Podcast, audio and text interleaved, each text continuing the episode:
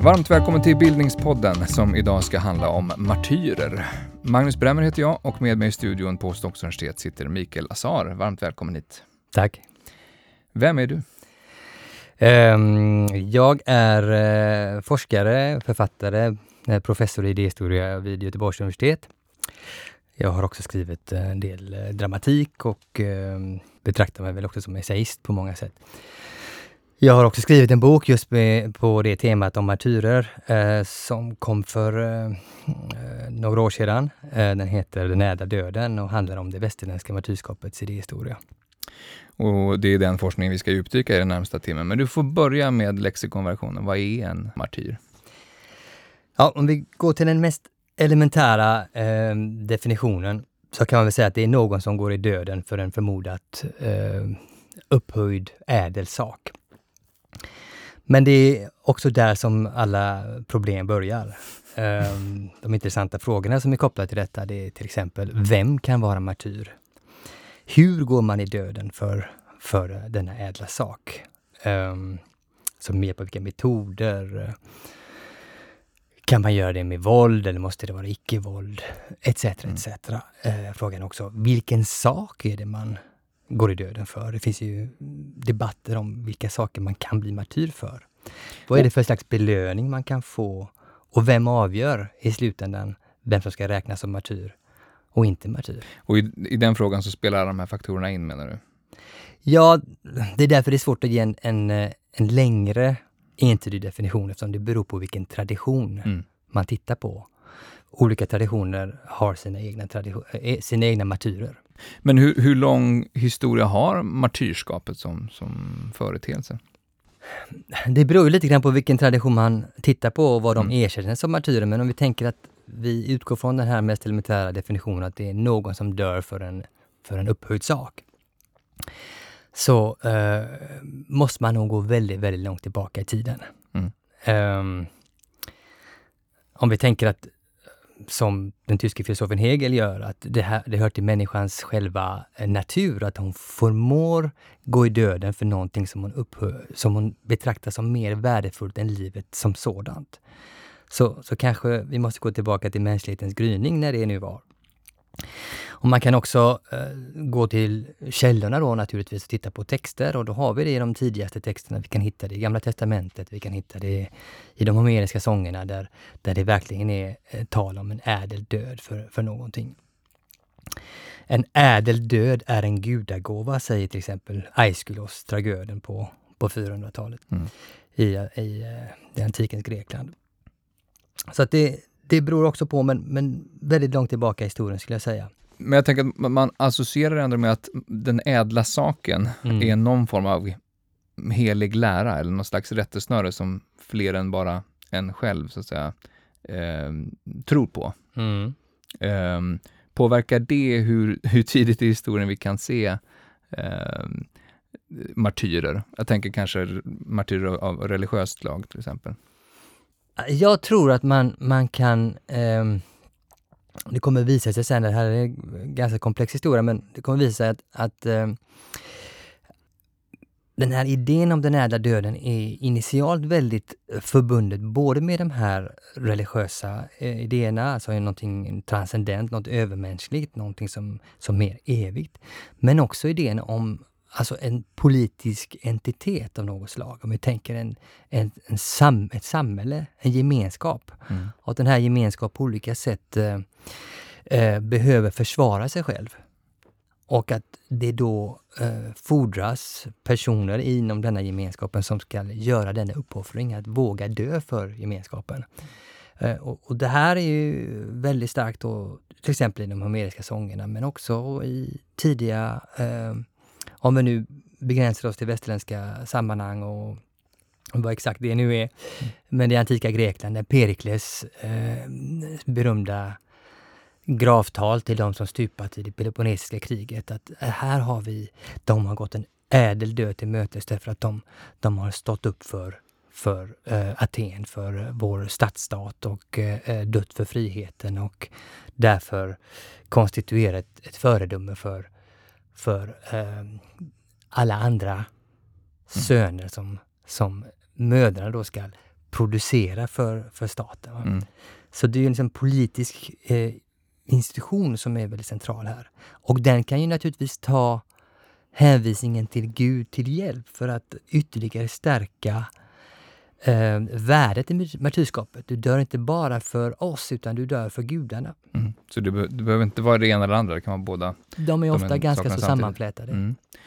Alltså vi kan ju tala om martyrer i, i vardagligt tal, om, mm. om någon mm. eh, offerkofta som har satt sig på lite för höga hästar eller så. Mm. Eh, men hur, hur, ser det, hur, hur, ser ordets historia ut? Alla de här exemplen som du nämnde, talar, omtalar man dem som martyrer? Om vi nu tittar på själva termen martyr, eh, och det är ju en bra början att, att gå djupare i detta, det, det är då grekiska ordet martys. Och det intressanta med det här ordet är att det initialt alltså betyder ett vittne. Någon som varit ögonvittne till något. Och det är det som martys betyder? Martys betyder. Och det, mm. det är också då någon som därigenom har förmågan att vittna, martyrein. Alltså att, eh, att i ord bekräfta någonting som har blivit sett. Eh, intyga, bekräfta.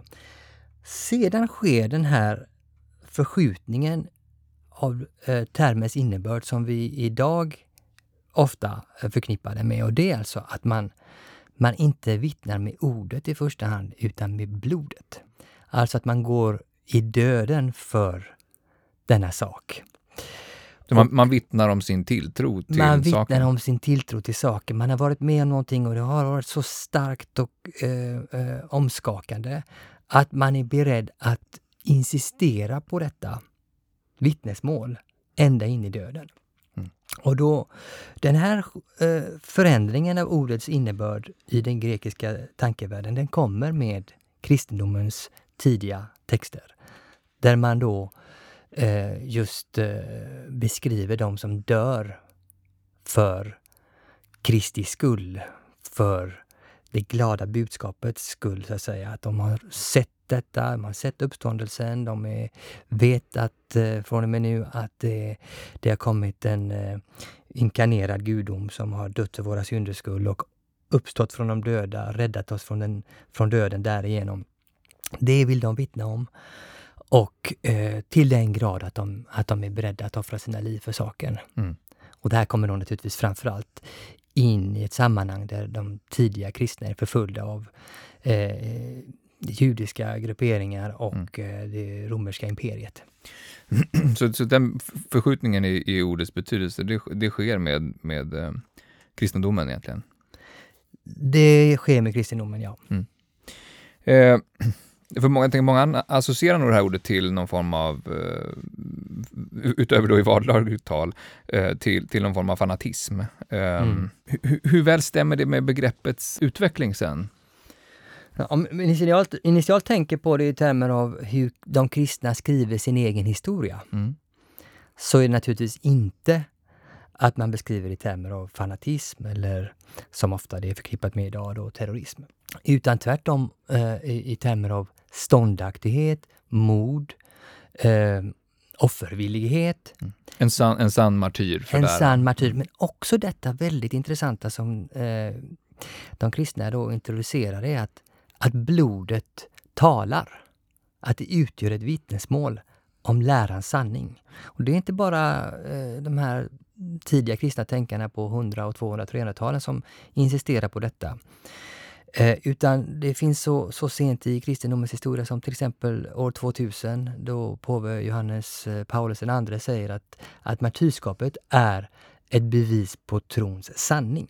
Mm. Och det kommer naturligtvis att, att uh, ifrågasättas av de andra historieskrivningar som tvärtom framhåller de kristna som fanatiker. Eh, till exempel en sån som eh, Thomas Hobbes på, på 1600-talets mitt i England. Han säger att eh, för det första så är de inga sanna vittnen för de som går i döden under religionsstriderna och, och eh, inbördeskriget i England. De, eh, de förstår inte detta elementära att vittne, tyst betyder att man har sett någonting. Men de har inte sett någonting. De har inte bevittnat mm. Jesu död och uppståndelse. Alltså han skruvar tillbaka den. Så han tar tillbaka den ursprungliga så här, mm. innebörden. Vad är det de här för vittnen? De, de, de föreställer sig saker och ting.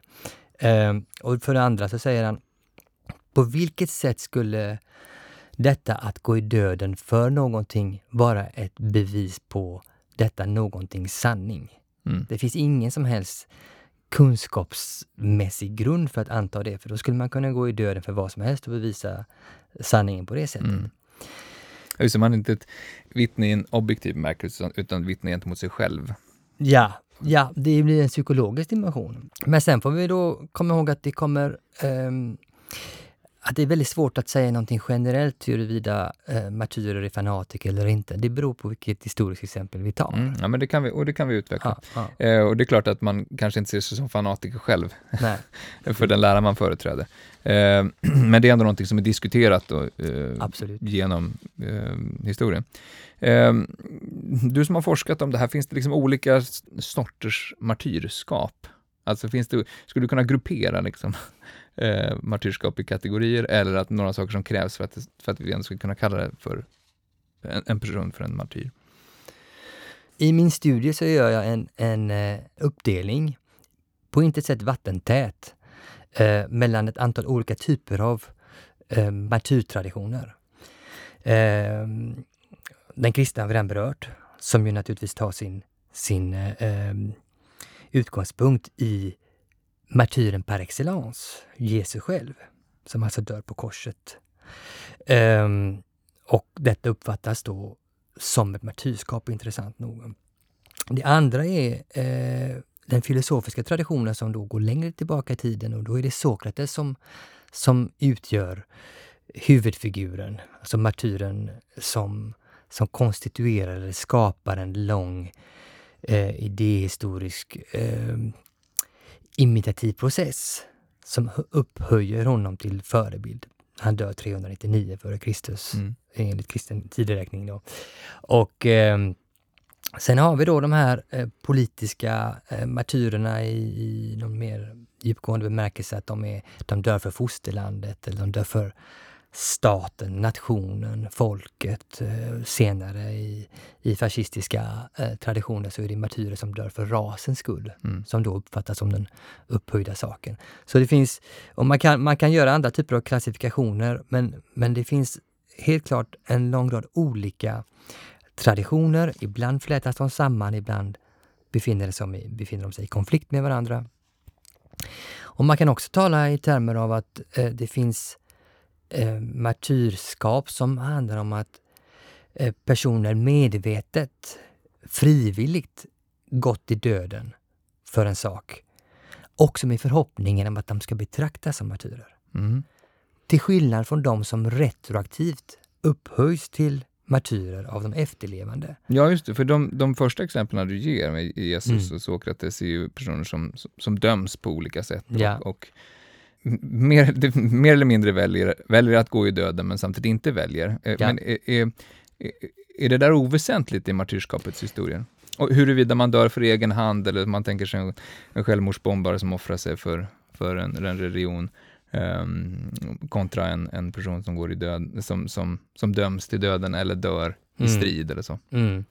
Nej, det, det är väldigt väsentligt för det säger en hel del om de mekanismer som är inblandade i, i eh, sådant som historieskrivning.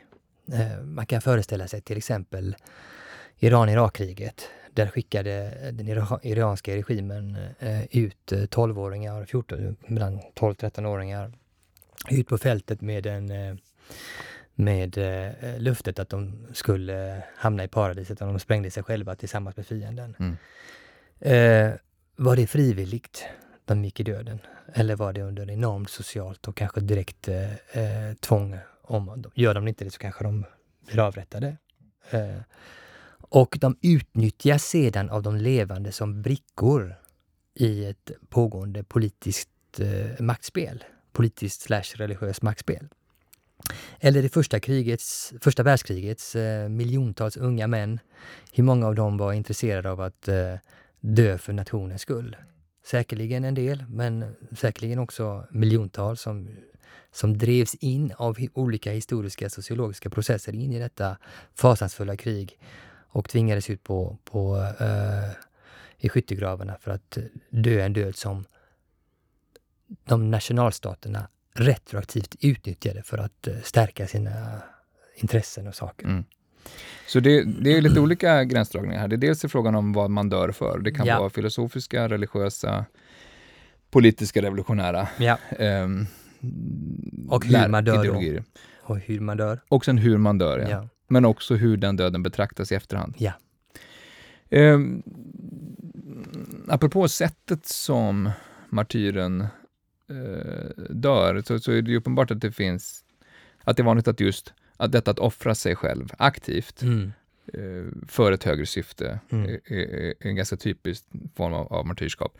Men samtidigt har ju självmordet varit någonting som, som har varit också ringaktat genom historien. Mm. Uh, du var inne på det lite grann i, inledningen, hur, hur, hur den här döden tolkas, mm. också för egen hand. Finns mm. det en konflikt där mellan självmordet och, och uh, att offra sig för högre syftet?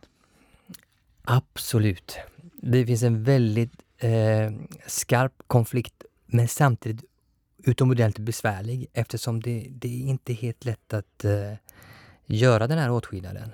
Och det är därför som teologer av olika slag, politiska tänkare av olika slag har försökt upprätta distinktioner mellan dem. Eh, kom ihåg att den tidiga kristendomen så är den här idén om, om Jesu död på korset och hans ord till Eh, efterföljarna att också ni kommer att förföljas. Men ni kommer att vinna era liv genom att dö för saken. Han uttrycker sig inte exakt så, men om ni, ni går i mina fotspår så, så kommer ni också vinna livet. Och det här ta sitt kors-idén som, som blir så stark, det finns ju en så kallad imitatio Christi-idé eh, som åtminstone enligt vissa av de här eh, kyrkohistorikerna, framförallt då Eusebius, som han heter på 300-talet, som som skriver den första kyrkohistorien, han lyfter ju fram det här att det finns alltså martyrer som, i den mån vi inte ska tro på honom, eh, som verkligen de längtar efter martyrskapet. Mm. De vill kasta sig eh, i vilddjurens gap. De vill plågas och, och eh, söker upp martyrskapet som möjlighet. För just för att, för att efterlikna Jesus? Efterlikna Jesus och för att därigenom Eh, en, timmes, en timmes lidande, vad är det i jämförelse med eh, evig salighet? Mm. Belöningen är ju också en central eh, faktor som skapar olika typer av eh, martyrskapsidéer naturligtvis. Men, och då, och då, eh, då finns ju detta att men vänta nu, står inte det där i konflikt med det mest fundamentala antagandet att det är Gud som är herre över liv och död? Mm. Och att eh, man inte får ta sitt eget liv. Och hur nära ligger inte denna längtan efter martyrskap ett slags självmord? Mm. Ehm, det är många tänkare som lyft fram detta. Nietzsche påpekade detta att eh, kristendomen gör undantag för eh, förbudet mot själv, självmord när det gäller martyrerna. Men samtidigt då så, så är det ju det här att, att självmordet stämplas som någonting som man gör bara för sin egen skull. Just det, medan martyrskap ska vara en osjälvisk handling. Då är det en osjälvisk handling och det är den man, man gör det för, för, för den kristna gemenskapen, för Gud och för att, eh, så att säga, bekräfta, vittna om sin lojalitet mot uh, Människosonen som, som visat vägen. Mm. Eh, det finns en, en eh, teolog som heter, den kallas den helige Bruno, som säger att självmord, eh, Självmordet är martyrskap för Satan. Och där ligger så hela den här grundproblematiken. Hur gör man denna skillnad då? Men, ligger det någonting då i, i det du talar om, detta att, att i efterhand avgöra vilka som är martyrer? Att det, det är egentligen det styrande för, för martyrskap för heliga läror? Att det är inte någonting som en martyr egentligen själv kan avgöra? Ja. Ja. Nu ska jag bli martyr, utan det är någonting som en handling i efterhand bedöms vara, så att säga. Jag skulle säga att eh, till 90 procent är det mm. korrekt, det vill säga att det, det, är retroaktivt som, som någon avgörs som martyr eller inte. Samtidigt så finns det ju sammanhang där de institutionella ramarna för handlingen redan är förberedda. Om vi tänker i, i vissa muslimska martyrtraditioner så då vet personen som ska eh, spränga sig själv i luften tillsammans med fienden att eh, det, det, detta ska ske ikväll. Han är i förväg inställd på att bli martyr. Han lämnar ett meddelande, eh, ett videomeddelande till sina nära och kära och gemenskapen att eh, idag är det min tur att, eh, att eh, göra den stora uppoffringen och eh, hamna i paradiset och eh, berättar om sin akt. Och då, då finns ju så här, hela inramningen är redan på plats. Mm. Naturligtvis kan han, i, eller hon, i efterhand fråntas sin martyrskap. Så det postyma ödet är alltid de andras, ligger i de andras händer. Men, det, beror också vem som, det beror också vem som dömer. I, I de militanta sammanhangen så är det kanske ganska enkelt att räkna ut att ja. det där är omedelbart martyrskap. Ja. Eh, medan i, i sundare sammanhang så, så, så, gör man en annan tolkning. Just det, och, och det är därför man kan säga att den, den enes, ena gruppens martyr är också den andra gruppens terrorist. Mm. Så um, uh, det är därför jag ger det 90 procent mm. rätt att säga mm. att det, det, är efterhand som det avgörs. Det är postym, det postyma ödet som, som, som blir på något sätt det centrala. Och beroende på vem du frågar så får du Beroende på vem du frågar får olika mm. svar. Finns det något intressant att säga om hur martyrskap har gestaltats mm. genom historien? Jag tänker idag är martyrskap någonting ganska medialiserat eh, på ofta ganska obehagliga sätt. Men apropå detta att åminnelsen av eh, handlingen, mm. finns, det, finns det återkommande sätt som martyrer har gestaltats?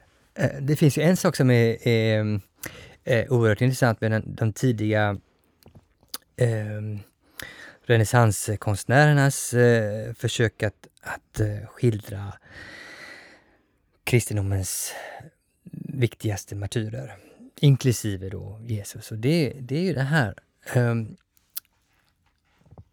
å ena sidan viljan att vara så realistisk som möjligt, vilket kännetecknar några av de här eh, för, eh, konstnärerna, då, Mantegna, Frangelico eh, och en rad andra. Det, det är det här, vi måste liksom vittna återigen om hur det faktiskt gick till. Å andra sidan så fungerar det, skulle ju konsten också fungera, bildkonsten fungera som en slags eh, en del i den här allmänna mobiliseringen av ett kristet medvetande. Att, att producera förebilder. Att ge eh, inspiration till, till eh, eh, imitatio Christi. Mm. Om inte nödvändigtvis måste gå ta, ta korset själv, men åtminstone liksom följa i den här starka traditionen. Och då får man inte vara för realistisk. Man kan inte avbilda Jesus på korset med ett alldeles för förvridet och smärtat ansikte. Eh, vi kan se de här skildringarna av till exempel eh, Stefanos eller San Sebastian eller andra martyrer. De får hundratals pilar genom kroppen eller stenas och samtidigt så ser de väldigt fridfulla och behagliga ut. Det ser ut som att de, de någonstans på väg mot saligheten. De mm. finner en viss tillfredsställelse i det som pågår. Ska man följa i, Kristus fotspår så får det inte se för avskräckande ut. Kanske. Nej, och, och samma med Jesus. Jesus är både Gud och människa, men vilken ska man betona? Mm. Den människa som, som skriker av smärtor eller den gestalt som just dör en ädel död, upphöjd död.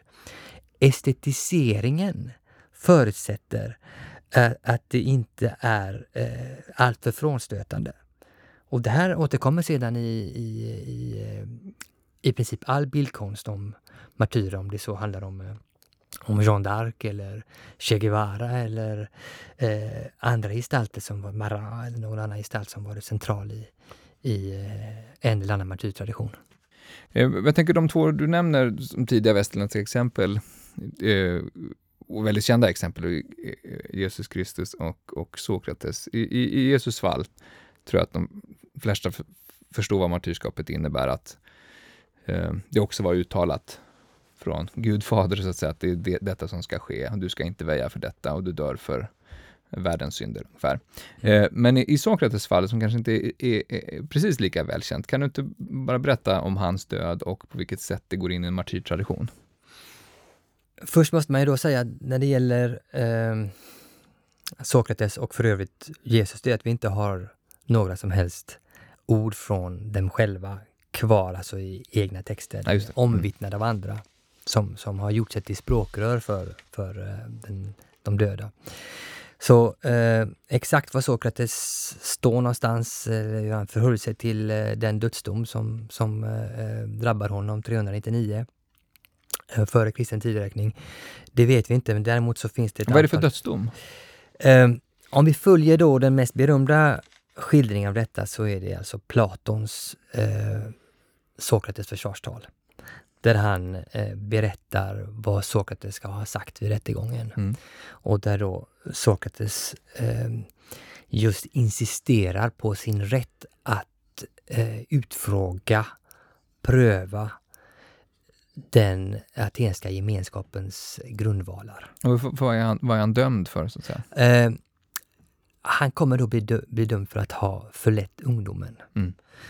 Eh, att han har eh, på olika sätt eh, ifrågasatt tron på gudarna.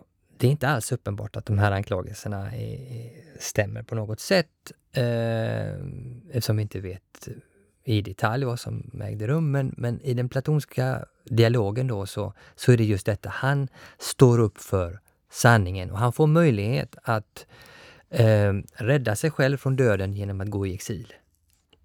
Men han säger, jag är inte rädd för döden. Eh, det är inte mig ni straffar genom att döda mig, det är er själva. Det är ni själva som kommer att straffas av er dom. Eh, för det är ni som visar världen att ni har fel. Han säger inte världen, men ni, ni, ni avslöjar att ni har fel och jag står på förnuftets sida, ni står på oförnuftets sida. Mm. Ehm, jag står på sanningens sida, ni står på osanningens sida. Och, han blir då en slags martyr för sanningen, för den här idén om en, en manlighet. En slags eh, virilitet som, som eh, inte väjer sig för dödsskräcken utan driver en tanke in i det sista även eh, oavsett vilka konsekvenserna blir. Mm.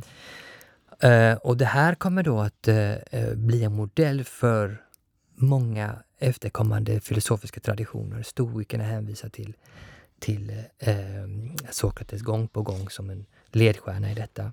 Men intressant nog så finns det ju de som menar att även Jesus, Jesusgestalten hämtar många av de här liksom, narrativen kring Jesus, lånar drag från berättelsen om Sokrates. Mm. Vi noterar att de författare som skriver de här texterna om, om Jesus, de befinner sig i den grekiska världen.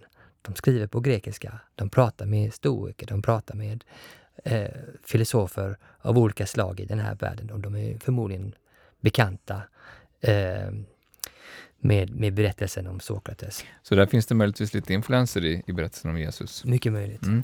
Men för det intressanta annars kan jag tycka är just det att det här är en martyr för du säger martyr för maskulinitet, men också martyr för, för kunskap snarare Mm, än mm. religion eller, Ja, ja. eller i, i, i krig eller, eller, eller po politiska skäl på något sätt, som kanske är det man först associerar till. Mm. Vad tycker du är mest intressant med det? Liksom, vad gör det för skillnad? Ja, det är egentligen en ganska komplex skillnad för man ska inte heller, eh, som jag precis gjorde, göra det för enkelt, göra det för enkelt eh, för sig genom att säga att vi har å ena sidan filosoferna och å andra sidan religionen. Mm. Utan de är sammanflätade och eh, Sokrates hänvisar gång på gång till, till gudarna, liksom för övrigt Platon. Och, och eh, det eviga spelar central roll. Samma idé om att, att döden på något sätt är en befriare från den här eh, eländiga kroppstillvaron. Eh, vi tänker att den här kristna traditionen ger upphov till en idé om, om det ofelbara vittnet Jesus. Eh, och att det skapar också en väldigt skarp med tiden. Vi har ju att göra med en, en initialt eh, marginaliserad och periodvis väldigt förföljd religiös gemenskap. De är 12 från början, de blir 6 miljoner cirka 300 år senare. Eh, att i den här finns det också det här, du ska inte ha några andra gudar än mig. Som de senare kommer att, att använda mot andra grupperingar i riket. I namn av Jesus, antingen är vi med eller mot honom. Mm. Det är Jesus egna ord, åtminstone enligt vissa av evangelierna. Eh, medan den sokratiska traditionen inom filosofin ger upphov till en idé om att det inte vad den enskilde säger som är det avgörande, utan huruvida det är sant eller falskt. Aristoteles till exempel, som är lärjungen till Platon, Platon var lärjungen till, till Sokrates, säger att mm, lärarna kan ha fel. Mm. Det finns en högre instans och det är tankens eh, undersökning av hur saker och ting ligger till. Och det här finns också i, i kristna tanketraditioner. I synnerhet när man då på olika, i olika epoker försöker att fläta samman det grekiska tankearvet och, och även i skolastiken och så, men på, på högmedeltiden. Men det finns här en, en idé om att eh, den högsta instansen, det är inte Gud, det är inte enskilda människor vad de har sagt, utan det är eh, konkreta sanningen som sådan. Det är, det är förnuftets martyr någonstans mm, i förlängningen. Mm, mm. leder lite tankarna kanske till upplysningen. Jag är ja. nyfiken på om det är så att man är inom upplysningen. Finns det något, något uh, frö? Jag tror att, att uh, om vi med upplysningen då tänker 1600 och 1700-tal, eh, England, Frankrike framför allt här och som, som etablerar den här väldigt, väldigt optimistiska idén om, om, eh, om förnuftets förmågor och som eh, inte sällan hänvisar till då den här traditionen från Sokrates och framåt. Eh, där finns det kanske inte denna starka hyllning till martyrskapet, men däremot en slags beredvillighet att kämpa för, för eh, rätten att ha en åsikt. Mm. Och att det inte finns några högre instanser än förnuftet som ska avgöra eh, vad man får tänka och tro. Så på ett plan så blir det här eh, en punkt där den filosofiska traditionen verkligen utkristalliserar sig som en negation gentemot det som Voltaire kallade för det, den skändliga, alltså kyrkan. Och, och då man då framförallt, intressant nog, eh, hamnar i en, eh, i en omskrivning av historien, det vill säga där de kristna gick i döden för tron på Gud, så möter vi här en slags uppmaning att, att om inte gå i döden så åtminstone eh, driva in i den sista kampen för en yttrandefrihet just gentemot de kristna. Och då får vi komma ihåg då att för de, de här traditionerna så är vi har haft religionsstriderna, vi har haft bålbränningarna, vi har haft eh, inkvisitionsprocesserna, vi har haft en lång period där kristendomen i hög utsträckning, inte bara men i hög utsträckning, har visat sig vara en väldigt, väldigt intolerant religiös eh, institution.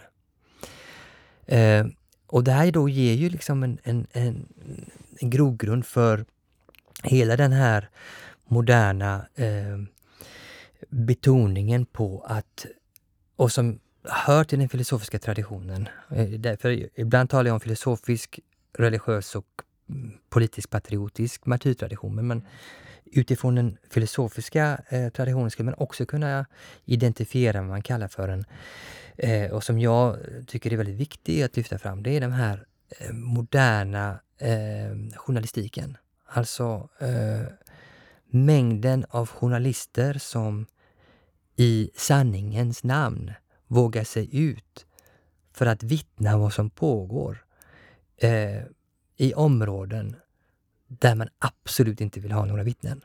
Mm. Där regimer tystar, torterar, mördar, eh, ibland besinningslöst sina fiender. Och dit journalister beger sig eh, för att just säga någonting med livet som insats. Mm. Du menar du martyrer i, i, i Sokrates efterföljd? Lite grann, ja, på ett sätt, men det, det, jag, jag, gör en liten skillnad mm. där därför att Sokrates är också, de, åtminstone via Platon, de stora ordens man. Mm. Eh, det, eh, och den platonska filosofin etablerar ju liksom sanningarna med, med stort S. Medan vad journalisterna gör, det är att de arbetar i en, i en tradition som snarare hör till de konkreta empiriska sanningarnas mm. eh, domän. Men jag Vi tänker har- den Hur här- många dog här och, och där? Vilka låg bakom det och det? Det. Eh, dödande skottet och, och så. Mm. Där har vi liksom en, en martyrtradition som är intressant att lyfta fram. Men jag tänker den här upplysningsidén om att, att jag, jag delar inte min, eh, min meningsmotståndares åsikter, men Mm, jag är beredd mm. att dö för Mm. hans rätt att, eh, att, att yttra dem. Mm. Citat som ofta felaktigt hänvisas till Mm, Voltaire. mm. Men, men finns det ett martyriskt frö i den tanken då? Eh, ja, det, det finns det, men jag är osäker på om jag kan identifiera några exempel på ehm, faktiska martyrer som gick i döden för att andra skulle ha rätten att, att eh, Mm, mm. uttrycka sin åsikt. Vi vet ju till exempel att Voltaire tog risker när han skriver traktat om toleransen och försvarar ehm, religiösa eh, grupperingar och personer som anklagas för, för det ena och det andra och eh, liksom går in i någon slags journalistisk verksamhet för att Mm. Eh, blottlägga konspirationer och sådant. Han tar risker. Eh, Mm. Många är tvungna att gå i exil. Så ja, jag får nog säga att Mm. eh, det är ändå Det är väl- ja på den frågan. Det är väl så långt vi kommer om Ja. förnuftets martyrer kanske. Mm, Men om vi mm. skulle ta lite mer då, i, i det religiösa och kristendomen framförallt. Hur Mm. får, och de här, du talar om efterföljare till, till Kristus. Är det så att det här blir en tradition i, i, i kristendomen när den eh, sprids och, och, och växer fram och, och, och sprids? Blir- Är martyrskapet en viktig del av, av kristendomens utveckling senare? Det finns de som menar, eh, Peter Brown är en forskare till exempel, som, eh, som framhåller att, att martyrkulten och idén om att gå i deras efterföljd är eh, en av de mest avgörande faktorerna för kristendomens framväxt som sådan, eller dess etablering som sådan. Mm. Och det har att göra med att det finns en väldigt stark mobiliserande kraft i idén om en ädel död. Ehm, Hur då? på ett existentiellt plan, dödens absoluta skandal, trauma, meningslöshet i, i, i detta att vi dör utan att veta varför. Ibland på de mest plågsamma sätt. Ibland drabbar det eh, de mest oskyldiga barn och så vidare. Om det ges en möjlighet att förvandla denna död till någonting meningsfullt, värdefullt, någonting som är livsalstrande, stärker sanning, rättvisa, alla de stora idealen, då eh, eh, är, har mycket hänt. Och kristendomen säger ju att genom dödens, Kristi död, eller Jesu död, så segrar vi mot döden. Döden, var är din udd? Besegra döden genom blodsoffret. Och det här var då upp, öppet för alla. Varken jude eller grek, herre eller slav, man eller kvinna, säger Paulus. Kristendomen erbjöd en, en, eh, en roll för alla i samhället som de inte hade i romarriket. Och många av de tidiga eh, kristna martyrerna är kvinnor. Kommer från samhällsklasser som inte alls hör till aristokratin. Man samlar sig till, kring martyrernas gravar. Det är där man bygger de första kyrkorna. Deras reliker får en enorm betydelse. Till exempel den här martyren Stefanos som, som eh, ska ha stenats till döds enligt apostlagärningarna. Tusen kyrkor i eh, senmedeltidens Europa gör anspråk på att ha hans kvarlevor. Och man vallfärdar till dessa platser. Man tror att de kan vara helande. Men vilka är de Eh, tidiga kvinnliga martyrerna? Eh, ja, till exempel, viktigaste därför att vi också har texter från martyren i fråga, Perpetua. Eh, och, och hennes eh, tjänarinna eh, Felicitas, de dör martyrdöden i Kartago eh, år 203 och vittnar om denna eh, glädje. Då, då försöker då, hon kommer från en aristokratisk familj, hennes pappa försöker att eh, förhindra henne att göra detta men hon insisterar på vikten av att, att följa eh, Kristi, Kristus. Att eh, gå i, i eh, frälsarens fotspår. Och det här ehm, är då ett, ett av många exempel. Ehm, Ehm, bland dina kan nämnas, man kan också nämna eh, senare till exempel Jeanne d'Arc. Mm.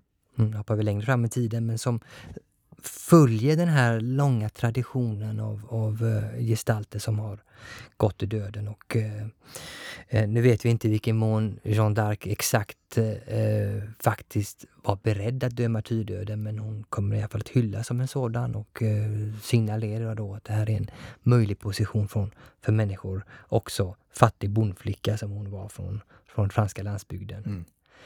Mm. Um, så det är en central aspekt av, av den här kristendomens eh, martyrkult. Och den här idén då att det, det via just martyrskapet man hamnar omedelbart i, i saligheten. Man räddas från den hotande elden och eh, kommer i, kommer i eh, åtnjutande av den eviga njutningen helt enkelt. Va? Saligheten är ett intressant begrepp här. Vad, vad är det för tillstånd man, man ska uppnå? Mm. Vad är det för belöning man får? Så det är en sam, den har en väldigt sammanhållande kraft. Vi är skyldiga att minnas martyrerna. Vi är förpliktigade att leva upp till deras förväntningar på oss. Att eh, förverkliga deras sista önskningar och att imitera dem, gå samma väg ta korset själva. Så det är det som följer på detta att i efterhand upphöja eh, en persons död till ett martyrskap. Ja. Eh, också göra det som ett, ett, eh, ett föredöme. Ja. Men sen har den också en samlande kraft för de som är kvar. Och för den gemenskap man så att säga dör för då. Mm, mm, mm. Det, och ju, ju, fler som går i döden för denna sak, desto viktigare är det väl att de inte har gått i döden förgäves. Mm. Den här formuleringen, de ska inte ha dött förgäves, den hittar man i snart sagt alla martyrdiskurser. Från de tidiga kristna tänkarna till eh, Breivik eh, 2011 i hans manifest, eller Goebbels, eller de franska revolutionärerna som, som eh, eh var beredda att gå i döden för revolutionen. Mm. Och så finns det, det finns också några andra aspekter, tror jag, som är viktiga att eh, lyfta fram när det gäller den, den mm, kristendomens gradvis etablering och martyr, martyrkultens betydelse för, för detta i, i romarriket. Och det är att martyrskapet blir ett mycket besvärligt vapen för den romerska makten. Den romerska makten som ju bygger i hög utsträckning sin makt på, på våld. På sin förmåga att kuva upproriska grupperingar. Och nu får vi alltså en gruppering som säger det är genom att dö som vi segrar. Mm. Döda oss. Det stärker oss. Ju mer ni förföljer oss, desto starkare blir vi. Eh, och det här spelades ju upp offentligt denna förmåga att stå emot den romerska kejsarmaktens våldsapparat. Åtminstone om vi tittar på några av de eh, tänkare inom kristendomen som på 200-tal och så reflekterar kring förföljelserna av martyrskapet. Origenes till exempel. Han säger att jo, men de här offentliga spektaklen där de kristna eh, dödas, det blir ju chockartat för den romerska publiken som ju får se och vittna, mm. själva bli vittnen om dessa blodsvittnens förmåga att stå fast vid någonting som de tror på. Ligger det inte någon sanning i det de tror på om de är beredda att dö för det? Den frågan eh, börjar kanske sprida sig hos romarna. Ja, så, så, där har vi ett e-, exempel på där en så att säga, en, annan, en, en annan sida eh, ser dessa martyrer och inte tänker fanatism, åtminstone inte enbart, utan att det finns en, en, en mm. tyngd och en styrka i, i handlingen. En tyngd och en styrka i handlingen, också detta eh, för man får komma ihåg att det romerska imperiet byggde ju också naturligtvis på den här eh, patriotiska idén, alltså, mm. om vi använder det ordet lite slarvigt, men, men idén att man ska vara beredd att dö som soldat för imperiet. Men här har vi då Kristi soldater som är modigare än de mest romerska, de mest eh, manliga romare. Eh, de spelade på en, en, en, eh, en sträng där som eh, kan, enligt forskare, ha bidragit också då till kristendomens eh, eh, snabba utbredning.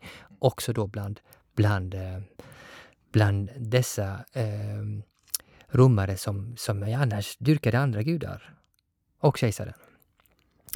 Sen finns det ytterligare en, en väldigt intressant funktion generellt inom martyrskapet och som, som eh, illustreras av den här kristna historien. Det är ju att, att eh, martyr kommer att vara, bli förknippat med den som har rätt. Eftersom martyren eh, till martyrens elementära definition kan man nästan säga, så hör denna idé att, att eh, eh, martyren är oskyldig. Den har den moraliska rätten på sin sida. Om ett land beskriver sina hjältar som martyrer så betyder det att de har blivit orättfärdigt angripna. Därför har de varit viktiga i historieskrivningen om den hagiografiska, den hjältehistorieskrivning som är så vanlig i nationalstaterna som lyfter fram då sina egna exempel på de som har gått i döden för, för nationen. Det är väl också ett, fortfarande ett vanligt sätt att göra eh, hemska handlingar eh, ädla? Absolut. I den och, egna grupperingen? Ja, absolut, och det, där har vi, vi har uh, horribla exempel på detta. Mm. Vi har uh, vi har Breivik mm. som ju beskriver sin egen gärning där han uh, ger sig på unga människor på Utöja och dödar närmare 70 personer och säger att det här är en akt av självförsvar för att skydda den europeiska och kristna civilisationen. Mm. Vi har naturligtvis bin Laden och eh, hjärna, hjärnorna bakom eh, 9-11 som, eh, som argumenterar på att det här är självförsvar. Goebbels talade om den eh, nazistiska regimens expansion för att skydda eh, Europa från bolsjevismen och, eh, och eh, judarna naturligtvis. Så, och, och därför är det, en, eh, det, det är väldigt centralt att ha martyrerna på sin sida. Eh, Barack Obama sa, när han fortfarande var senator, att eh, jag vill inte vara med och bidra till att göra bin Laden till en martyr. Just av den anledningen förmodligen att han var rädd för att bin Laden då skulle bli en hjälte och mm. i... och man vill inte heller ge honom en gravplats utan skickade ner honom i havet. Om vi skulle prata lite om, om samtida martyrskap, så när man tänker på det så jag kan tänka att det både är en väldigt otidsenlig företeelse på ett sätt i, ett, mm. i, i, sekulära samhällen där få saker är heliga och, och, och få kanske är beredda att dö för den här absoluta tron. Samtidigt har vi idag ett samhälle som blir allt mer polariserat och allt mer svartvitt. Mm. Och just kanske just uh, tvärsäkert övertygad om vissa olika saker. Vad, vad, vad, tänker du kring martyrskap idag? Generellt, går det att säga någonting? Alltså om vi tänker på martyrskap idag, inte kanske eh, global skala utan mer fokuserat på, på eh, så kallade sekulära stater. Och möjligen har Sverige som exempel och då kan vi ha som utgångspunkt detta att den moderna staten demokratiska sekulära staten bygger på principen om religionsfrihet. Mm. Den bygger på principen om åsiktsfrihet, den bygger på idén, eh, eh, i bästa fall, att staten inte är för vila på en bestämd etnisk grundval, en bestämd ras, utan eh, på en någon form av fundamental princip kring individens rätt att välja sitt liv.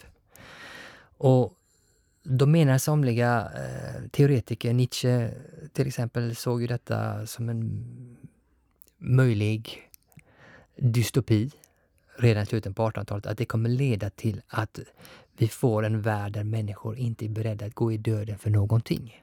Mm. Det enda som är väsentligt för den moderna, eller rättare sagt postmoderna människan, den som Nietzsche kallar för den sista människan, det är att leva så länge som möjligt. Skjuta upp döden så länge som möjligt. Vilket utarmar, enligt den här bilden, förmågan att tänka i termer av att det finns högre saker som det är värt att offra sig för. Mm. Mot Nietzsche kan man naturligtvis säga att det här är fantastiskt. Det är en del av den upplysningstraditionen att, så att säga, dekonstruera eller avförtrolla de här förmodat högre värdena. Eh, men det gör också, eh, skapar också en, en, eh, en möjlighet för grupperingar som argumenterar i namn av dessa högre värden. Så tillvida att de kan anspela på, spela an på strängar som har att göra med just den där existentiella dimensionen eh, vi kort talade om tidigare. Att människans högsta önskan är kanske trots allt att hitta någonting som det är värt att dö för. För då finns det också absolut någonting som det är värt att leva för. Eh, Så du menar att... Den sista människan hos Nietzsche, det, det, det, är en ganska deprimerad människa. Det, det finns inga riktigt starka passioner kvar. Ligger det någonting i det, tycker du? Jag tror att det ligger någonting i det. Man får inte, man får inte dra för stora växlar på det, men jag tror att det är en av, eh, en av flera tänkbara eh, grogrunder för, för den högerpopulistiska och eh, fascistiska diskursen vinner inträde i många människors tänkande och hjärtan idag. Det vill säga att den talar till dem som om de ingick i en gemenskap. En transhistorisk gemenskap som om de vore en del av någonting större. Ett folk, en religiös tillhörighet. Ger dem en identitet. Någonting som gör dem till nära vänner som har fiender. George Orwell uttryckte det en gång i tiden så att eh, när han hade läst Mein Kampf.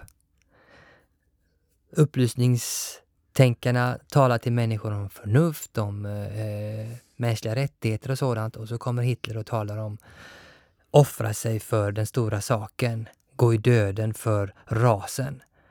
Och det tyska folket faller som käglor för, detta, mm. för denna diskurs. Just för att Hitler gör anspråk på att vara en uppstånden soldat från det första världskriget som skall hämnas alla de miljontals döda tyska soldater som just nu har gått i döden för ingenting, som dog förgäves. Vi ska återupprätta deras heder. Mm.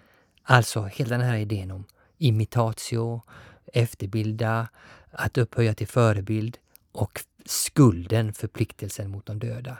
Det skapar eh, en, en väldigt stark gemenskapskänsla. Och det är väldigt tydlig meningsfullhet utifrån tydlig den, meningsfullhet. Utifrån den eh, eh, som sagt, jag menar inte att detta på något sätt är en alena, alenarådande förklaring till, till eh, varför den mobiliserande kraften i, i högerpopulistiska eh, diskurser eller nas starkt nationalistiska eller rasistiska diskurser vinner inträde. Men de, de erbjuder också kärlek, mening.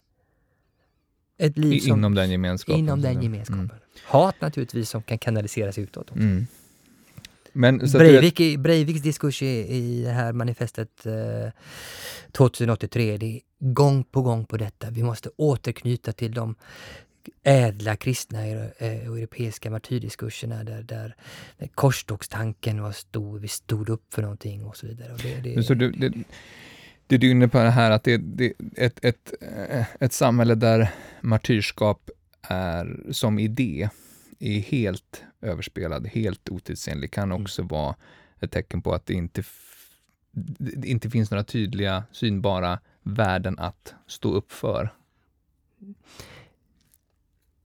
det riskerar att, att uh, göra sig sårbart inför uh, diskurser som verkligen har sådana synbara mm. värden. Det, Även om de är imaginära eller fantiserade och, och påhittade. Det finns ingenting sådant som en ras eller en strängt taget en, en uh, renodlad nation med uh, tydlig identitet. Det skapas just mm. genom dessa martyrdiskurser. Och, och Men det, det, det, går ju in i hur vi allt oftare kommenterar framgångar för främlingsfientliga partier och så vidare. Ja. Att vi har tagit en, ett, ett demokratiskt eh, samhälle, ett, mm. ett, fredligt samhälle för mm. givet. Ja, ja, ja.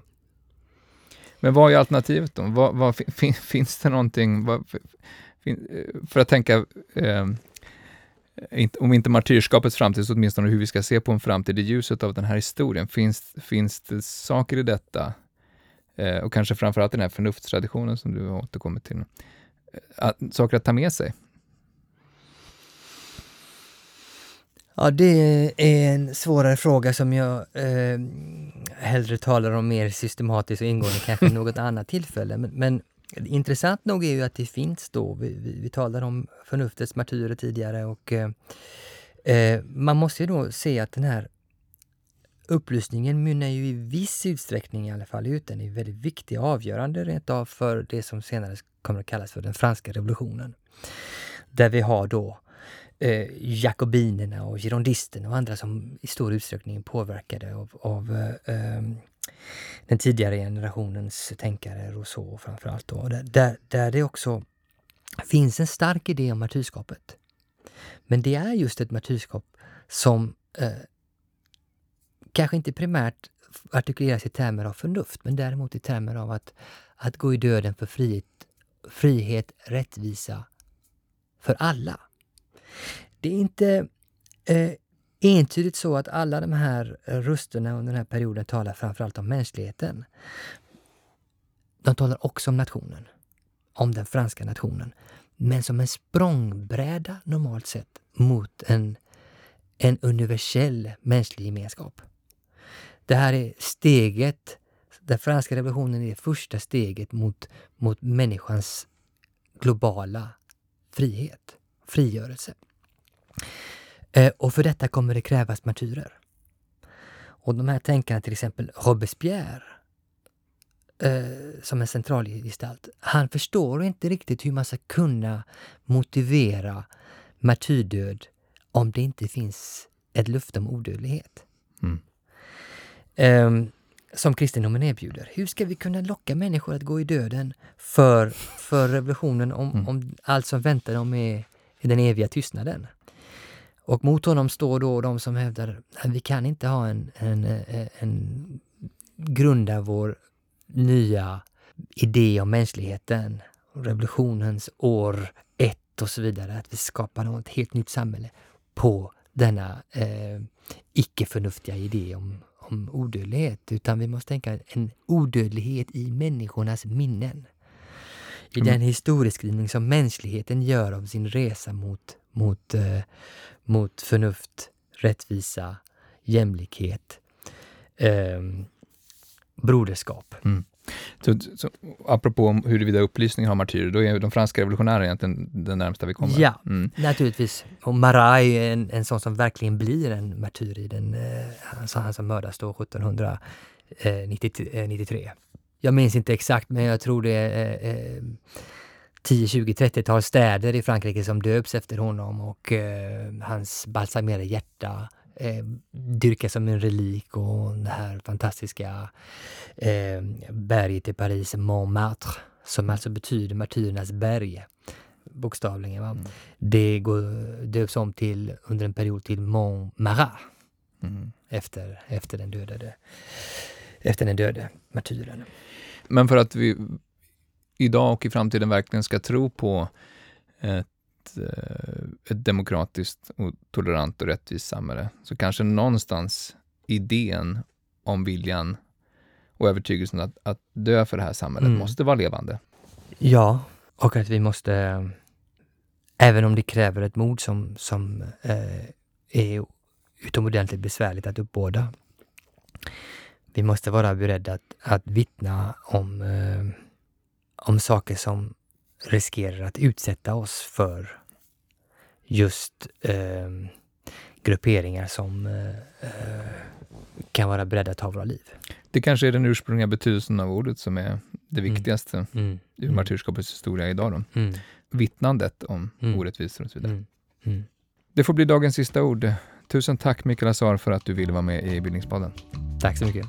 Och vi är tillbaka igen om ett par veckor med ett nytt avsnitt.